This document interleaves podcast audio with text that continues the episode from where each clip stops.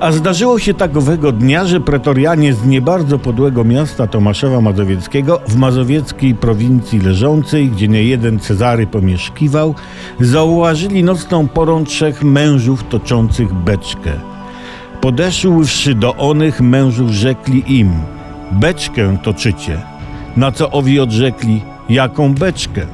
Oni z kolei odparli, tę, którą toczycie. Owi trzej otworzywszy usta, ozwali się.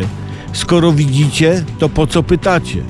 Tedy owi pretorianie przemówili, wiedzieć pragniemy, czy to wasza beczka.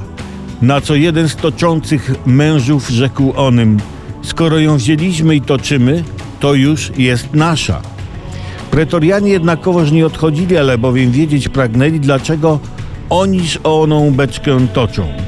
Owi trzej oznajmili, oną beczkę toczymy dla beki. Na co pretorianie wiary onym mężom nie dawszy, po śladach na białym śniegu, który spadł z góry na dół, ale bowiem śnieg, jako i inny opad, jako opad, nie wznosi się z ziemi do góry, lecz odwrotnie. Natrafili na dwie dalsze beczki uturlane za pobliski płot. Inne ślady owych trzech doprowadziły pretorianów do składziku przekupnia, który spawszy od turlania beczek nie dostrzegł.